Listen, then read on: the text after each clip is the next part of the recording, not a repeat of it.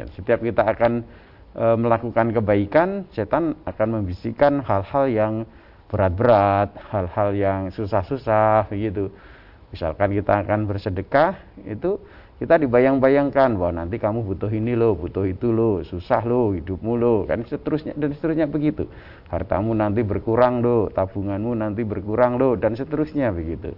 Jadi ketika kita akan melakukan kebaikan-kebaikan, eh, misalkan dalam hal ini kaitannya dengan sedekah, maka setan membisikkan untuk eh, tadi eh, apa namanya rasa rasa takut, ya takut kurang, ya takut fakir dan seterusnya begitu. Dan ini akan terus-menerus uh, dalam kehidupan kita terbisikkan hal-hal seperti itu begitu.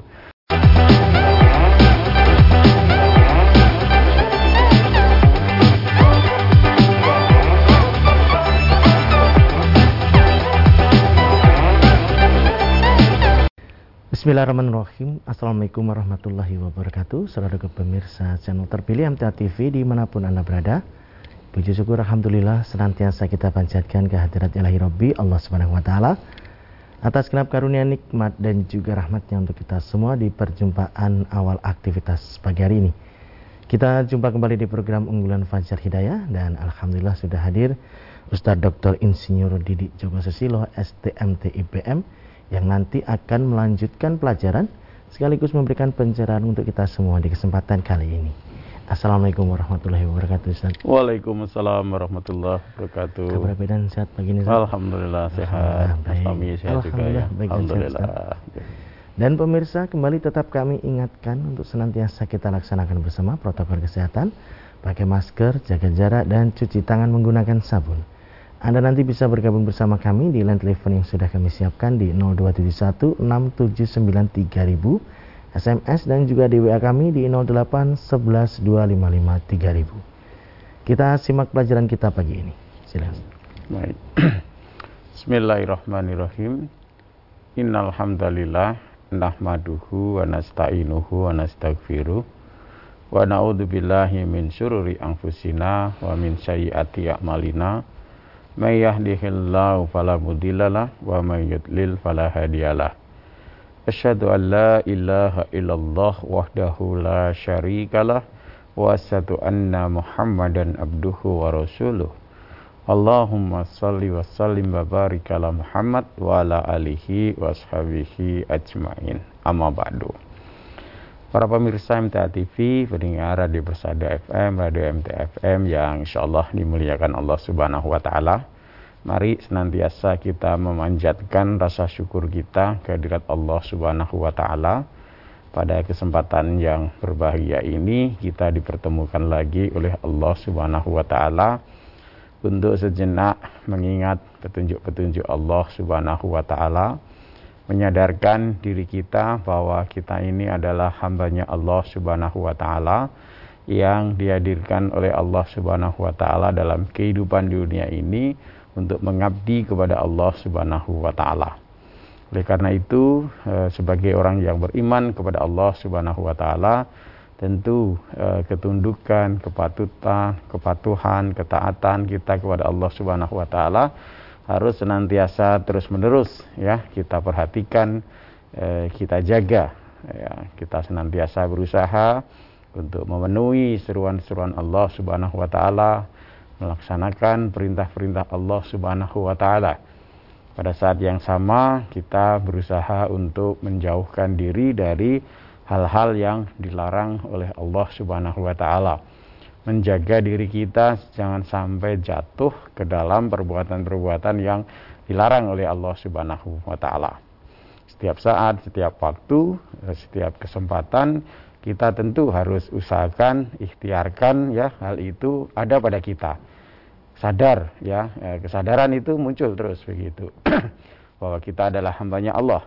Bahwa kita berkeinginan agar bisa melaksanakan perintah-perintah Allah agar kita jaga diri dari hal-hal yang dilarang oleh Allah Subhanahu wa taala.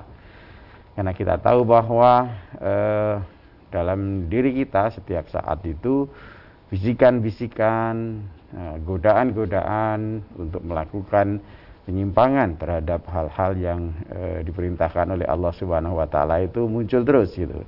setan tentu terus membisik-bisikkan kepada kita untuk jangan laksanakan perintah Allah gitu ya malah kemudian didorong kita untuk hal-hal yang dilarang oleh Allah lakukan ambil begitu. Karena kadang-kadang menyenangkan gitu kan.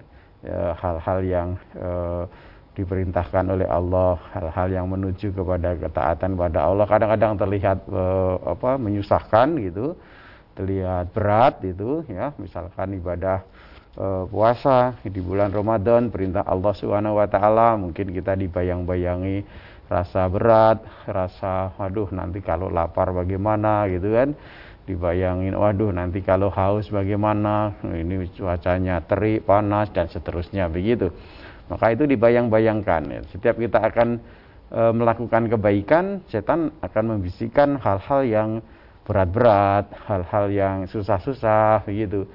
Misalkan kita akan bersedekah, itu kita dibayang-bayangkan bahwa nanti kamu butuh ini loh, butuh itu loh, susah loh, hidupmu loh, kan seterusnya dan seterusnya begitu. Hartamu nanti berkurang loh, tabunganmu nanti berkurang loh dan seterusnya begitu. Jadi ketika kita akan melakukan kebaikan-kebaikan, e, misalkan dalam hal ini kaitannya dengan sedekah, maka setan membisikkan untuk eh, tadi eh, apa namanya rasa rasa takut, ya takut kurang, ya takut fakir dan seterusnya begitu. Dan ini akan terus-menerus e, dalam kehidupan kita terbisikkan hal-hal seperti itu begitu. Nah, maka tentu kemudian kita harus berikhtiar, berupaya bagaimana agar e, yang ada pada kita itu bisikan-bisikan, dorongan-dorongan untuk melakukan kebaikan, ya, dorongan-dorongan untuk melaksanakan ketaatan-ketaatan kepada Allah Subhanahu wa taala. Ya, kemudian e, menekan ya keinginan-keinginan hawa nafsu kita gitu. Nah, salah satunya adalah Allah Subhanahu wa taala membuat bulan ya, Ramadan ini untuk kita berlatih gitu kan. Berlatih mengendalikan diri kita ya, mendidik keinginan kita gitu kan. Tarbiyatul irodah. Nah, maka ketika kita masih di bulan Ramadan itu betul-betul dimanfaatkan sebaik-baiknya ya.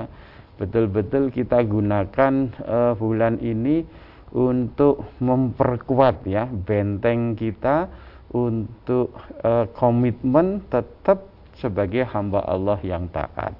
Komitmen sebagai hamba Allah yang tunduk patuh pada perintah-perintah Allah Subhanahu wa taala. Hamba Allah yang menjauhkan diri dari hal-hal yang dilarang oleh Allah Subhanahu wa taala gitu. Nah, ini kita bisa rasakan bahwa di dalam bulan Ramadan ini ketika kita berpuasa ini kita dilatih untuk dibiasakan gitu. Kita bisa renungkan ya e, misalkan kita yang biasanya tidak sholat sunnah di bulan Ramadan kemudian berlatih dibiasakan sholat sunnah ya kita yang e, biasanya tidak bisa menahan lapar tapi di bulan Ramadan kita dilatih untuk e, menahan, membiasakan menahan begitu. Kita yang e, mungkin barangkali dalam kesehariannya sok gampang marah, maka di bulan Ramadan kita dilatih untuk menahan marah gitu kan. Jadi ketika akan marah ingat oh saya puasa, oh ini bulan Ramadan tahan dulu gitu kan.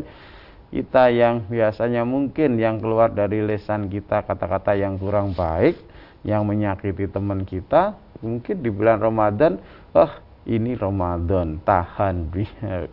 ya kan kita bisa e, perhatikan satu riwayat ketika orang pun mengajak berkelahi, maka Rasulullah Sallallahu Alaihi Wasallam mengajarkan katakan ini saya sedang puasa. Maknanya apa? Maknanya kita dilatih untuk kendalikan diri, tahan diri, gitu kan. Nah, pelatihan-pelatihan, pembiasaan-pembiasaan ini tentu akan berdampak yang baik pada karakter seseorang, gitu kan. Karena karakter itu terbentuk mulainya dari kebiasaan. Pembiasaan kebaikan pada diri kita, terus yang kita pupuk terus yang berlangsung e, lama maka tentu kemudian akan membentuk menjadi karakter. Ketika kita misalkan membiasakan lisan kita ngomongnya yang baik begitu ya jadi lisan kita biasakan terus ngomong yang baik.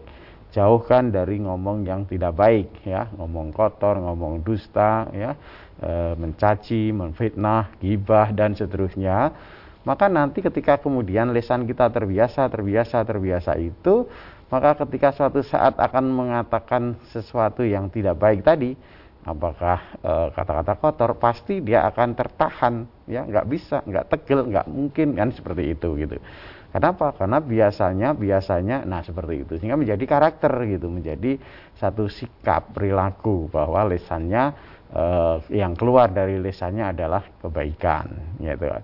Sama juga tangannya, ketika tangannya terbiasa sedekah, terbiasa memberi, terbiasa sedekah, terbiasa memberi terus kita latih seperti itu, maka nanti tangan kita terlatih terbiasa memberi.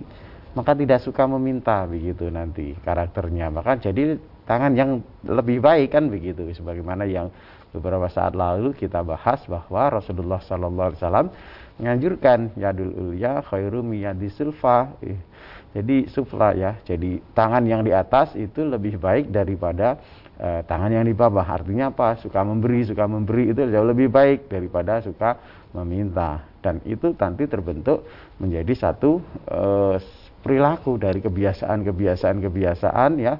Kebiasaan itu dimulai dari pembiasaan gitu. Ya sengaja melatih gitu. Sengaja um, apa namanya membiasakan nanti jadi kebiasaan nanti jadi karakter atau perilaku sehingga kemudian ketika Allah serukan ya bahwa orang yang bertakwa itu alladzina yunfiquna fisyara'i wad yaitu orang-orang yang uh, terbiasa melakukan uh, apa memberikan sebagian hartanya atau terbiasa bersedekah begitu.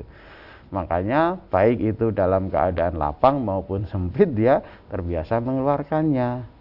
Ya begitu. Jadi eh, mari betul-betul eh, kita manfaatkan, kita manfaatkan eh, pelatihan yang Allah berikan kepada kita di bulan Ramadan ini. Hmm, kalau Allah pelatihannya adalah kehidupan kita, ya kehidupan kita yang harus kita uh, latih gitu termasuk uh, ibadah kita kepada Allah Subhanahu wa taala begitu. Mungkin di luar bulan Ramadan kita merasakan wah untuk bangun salat malam itu berat ya. Kenapa? Mesti enaknya tidur gitu ya, tidur nyenyak sampai pagi. Tetapi ketika di bulan Ramadan kita dilatih eh, sebelum fajar kita bangun untuk makan sahur gitu kan belum fajar untuk bangun makan sahur. Nah, 30 hari, 29 atau 30 hari itu kita dilatih untuk membiasakan badan kita, jasmani kita itu terbiasa bangun di sepertiga malam yang akhir gitu.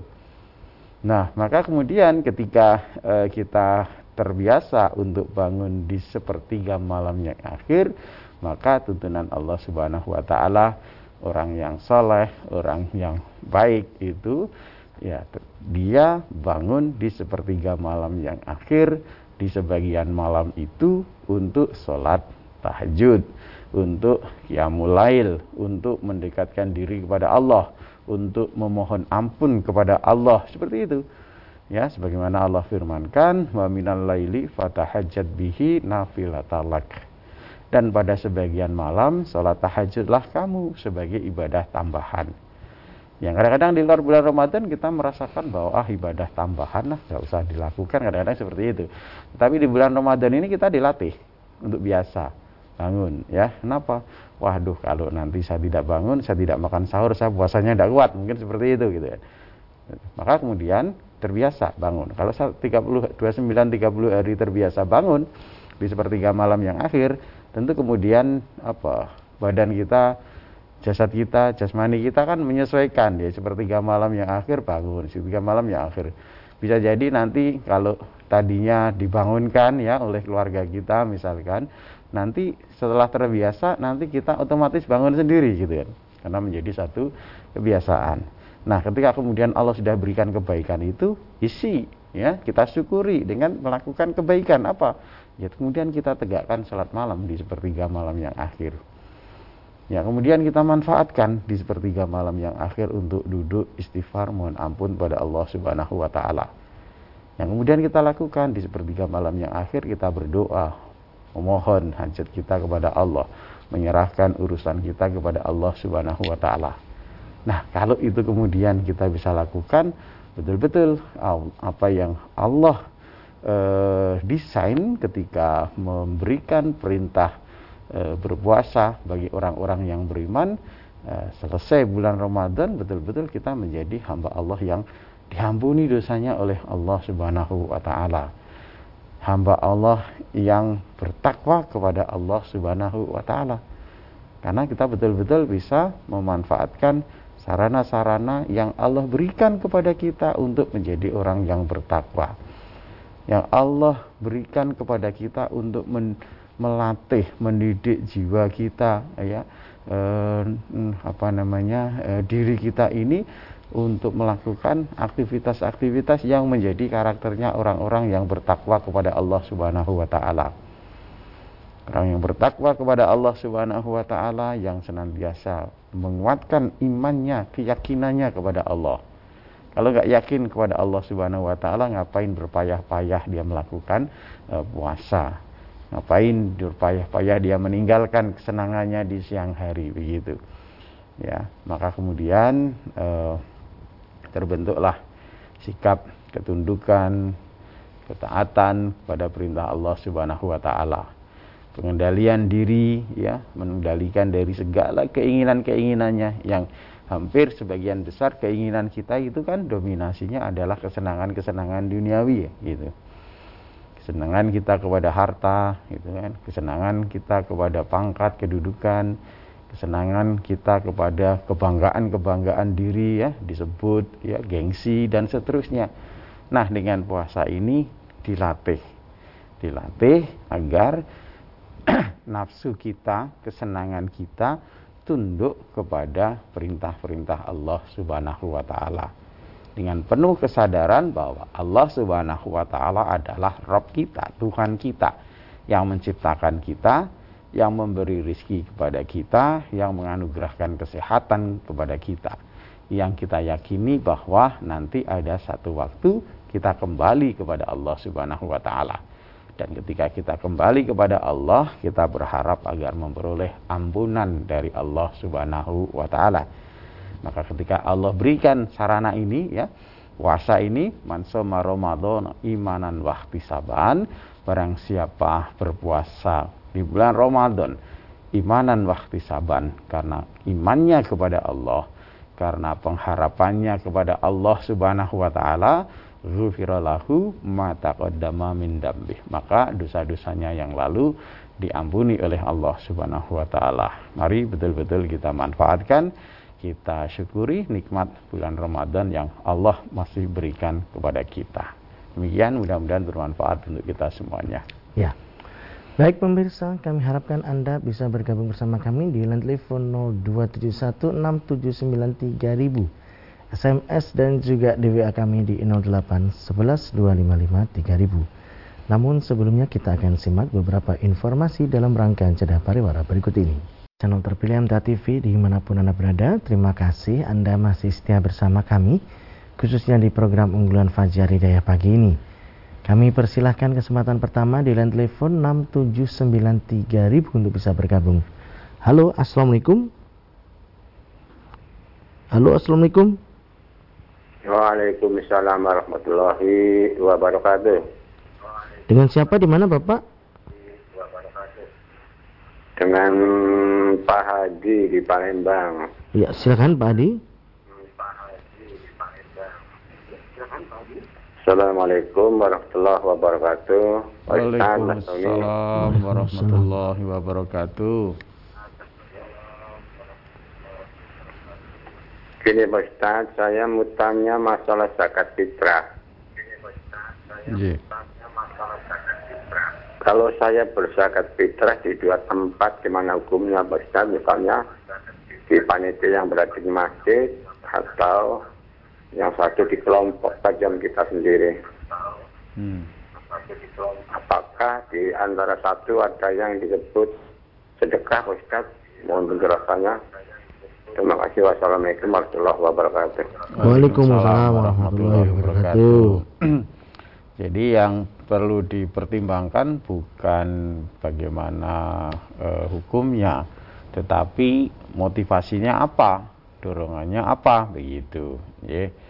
Jadi eh, zakat fitrah ini Allah perintahkan ya bagi orang yang eh, berpuasa untuk mengeluarkan ya dalam sebuah hadis riwayat Bukhari ya disebutkan ya eh, dari Ibnu Umar radhiyallahu an ia berkata Rasulullah sallallahu alaihi wasallam mewajibkan zakat fitrah satu sok dari kurma atau satu sok dari gandum atas budak maupun orang merdeka, laki-laki, perempuan, kecil, dan dewasa dari orang-orang Islam.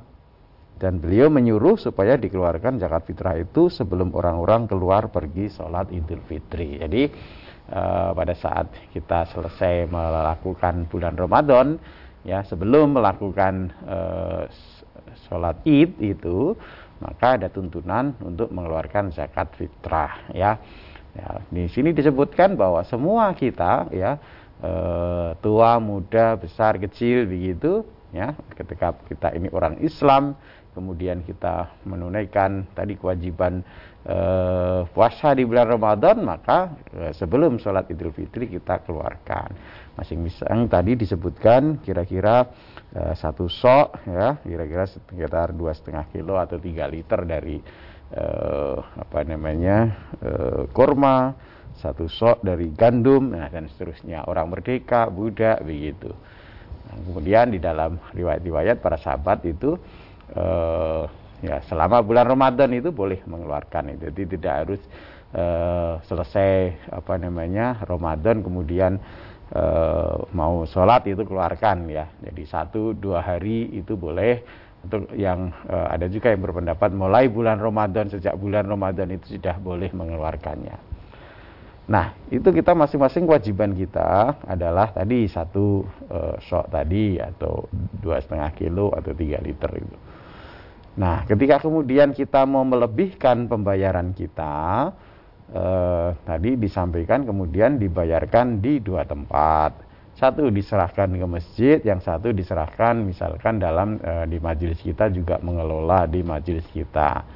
Jadi persoalannya atau pertanyaannya adalah niatnya apa gitu. Dorongannya mengeluarkan dua itu apa gitu. Ketika mengeluarkan e, sebagian dikeluarkan di masjid, sebagian dikeluarkan ke e, tadi ke majelis kita begitu karena memang saya ingin melebihkan karena saya uh, alhamdulillah Allah beri kemampuan sehingga kita tahu mengeluarkan maka kebaikan itu akan kembali kepada diri kita itu. Tetapi ketika kemudian kita mengeluarkannya itu karena pekewo gitu, jadi wah saya nggak enak no, nanti dikira oleh saudara-saudara saya di masjid saya tidak mengeluarkan zakat itu karena tidak membayarkan di masjid eh, tempat eh, tinggal kita Nah, karena biar tidak dikira tidak mengeluarkan zakat, maka saya bayar di sana. Sementara kebersamaan kita di majelis juga e, mengelola zakat itu, gitu. Sehingga keluarnya zakat di masjid tadi karena pekewo, karena nggak enak sama teman-teman di masjid karena nanti dikira saya tidak membayar zakat. Nah, kalau begitu, ya itu nggak dapat apa-apa sama sekali begitu. Karena kita ketika beramal harus niatkan ikhlas betul-betul untuk Allah Subhanahu wa taala, bukan mencari nama dari manusia begitu. Nah, sehingga kembali tadi niatnya apa kita? Kalau niatnya betul-betul karena Allah, betul-betul karena kesadaran bahwa oh Allah beri saya kebaikan yang banyak, kemudian sebagai syukurnya maka saya berikan banyak di jalan Allah sesuai dengan perintah Allah, maka tentu akan mendapat nilai kebaikan di sisi Allah.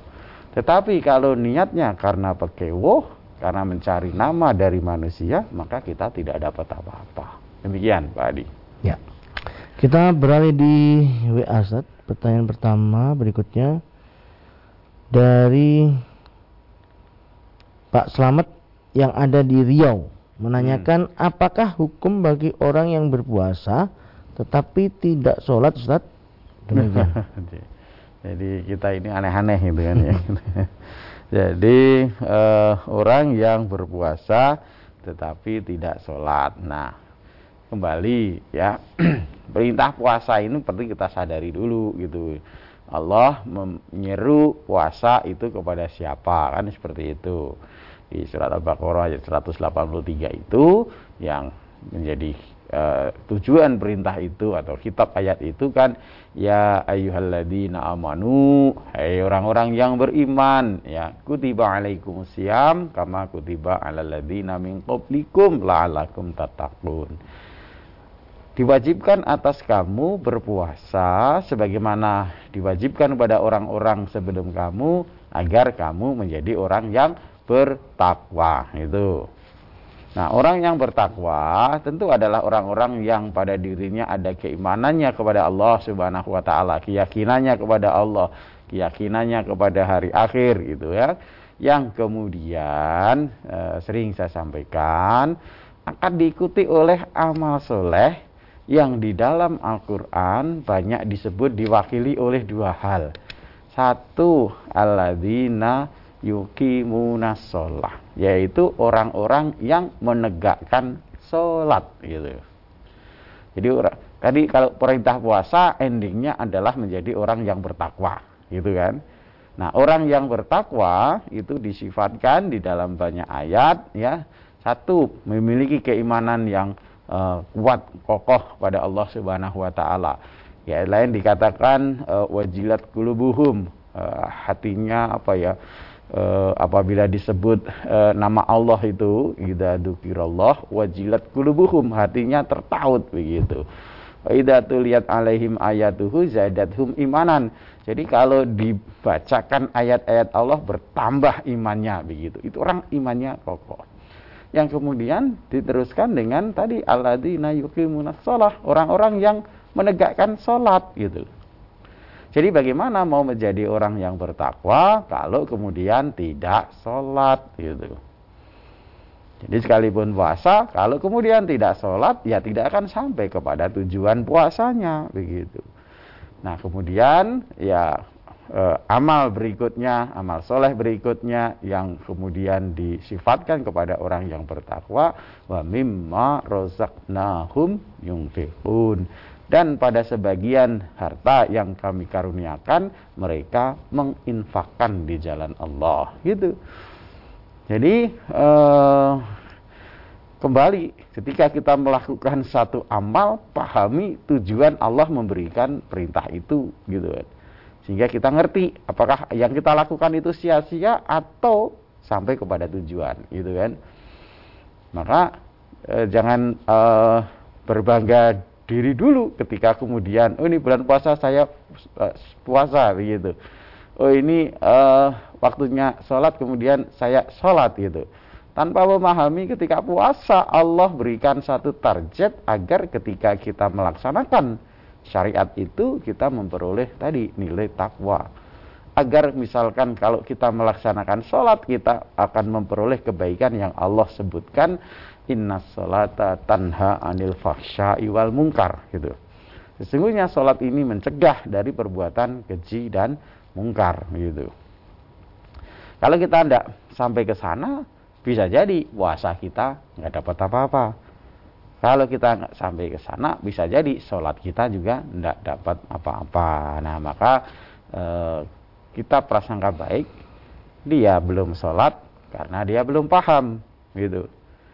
Dia sekarang melaksanakan puasa karena dia sadar, eh puasa ini e, perintah Allah, seruan Allah untuk orang beriman. Maka kemudian dia pengen jadi orang beriman, maka kemudian dia puasa. Maka Mas Slamet tadi ketika ada temennya, ada saudaranya puasa, kalau tidak sholat, nah, punya kewajiban untuk memberitahu. Kamu puasa, oh iya, berarti kamu orang Islam, iya. Nah, kamu belum sholat, belum. Lah orang Islam kok belum sholat? Lah orang Islam harus sholat itu? Mungkin tidak tahu. Nah, maka beritahu, ya, ajari. Saya nggak tahu, saya belum bisa, saya baru is masuk Islamnya baru saja, misalkan mu'alaf dan kebetulan sekarang bulan Ramadan, maka saya sebagai mu'alaf tahu e, bulan Ramadan ada kewajiban puasa, saya puasa. Tapi sholat saya belum tahu, nah, belum ada yang ngajari. Nah, maka Pak Selamat kewajiban untuk ngajari, kewajiban untuk memberitahu kalau orang Islam punya kewajiban sholat yang difardukan oleh Allah Subhanahu Wa Taala sholat lima waktu.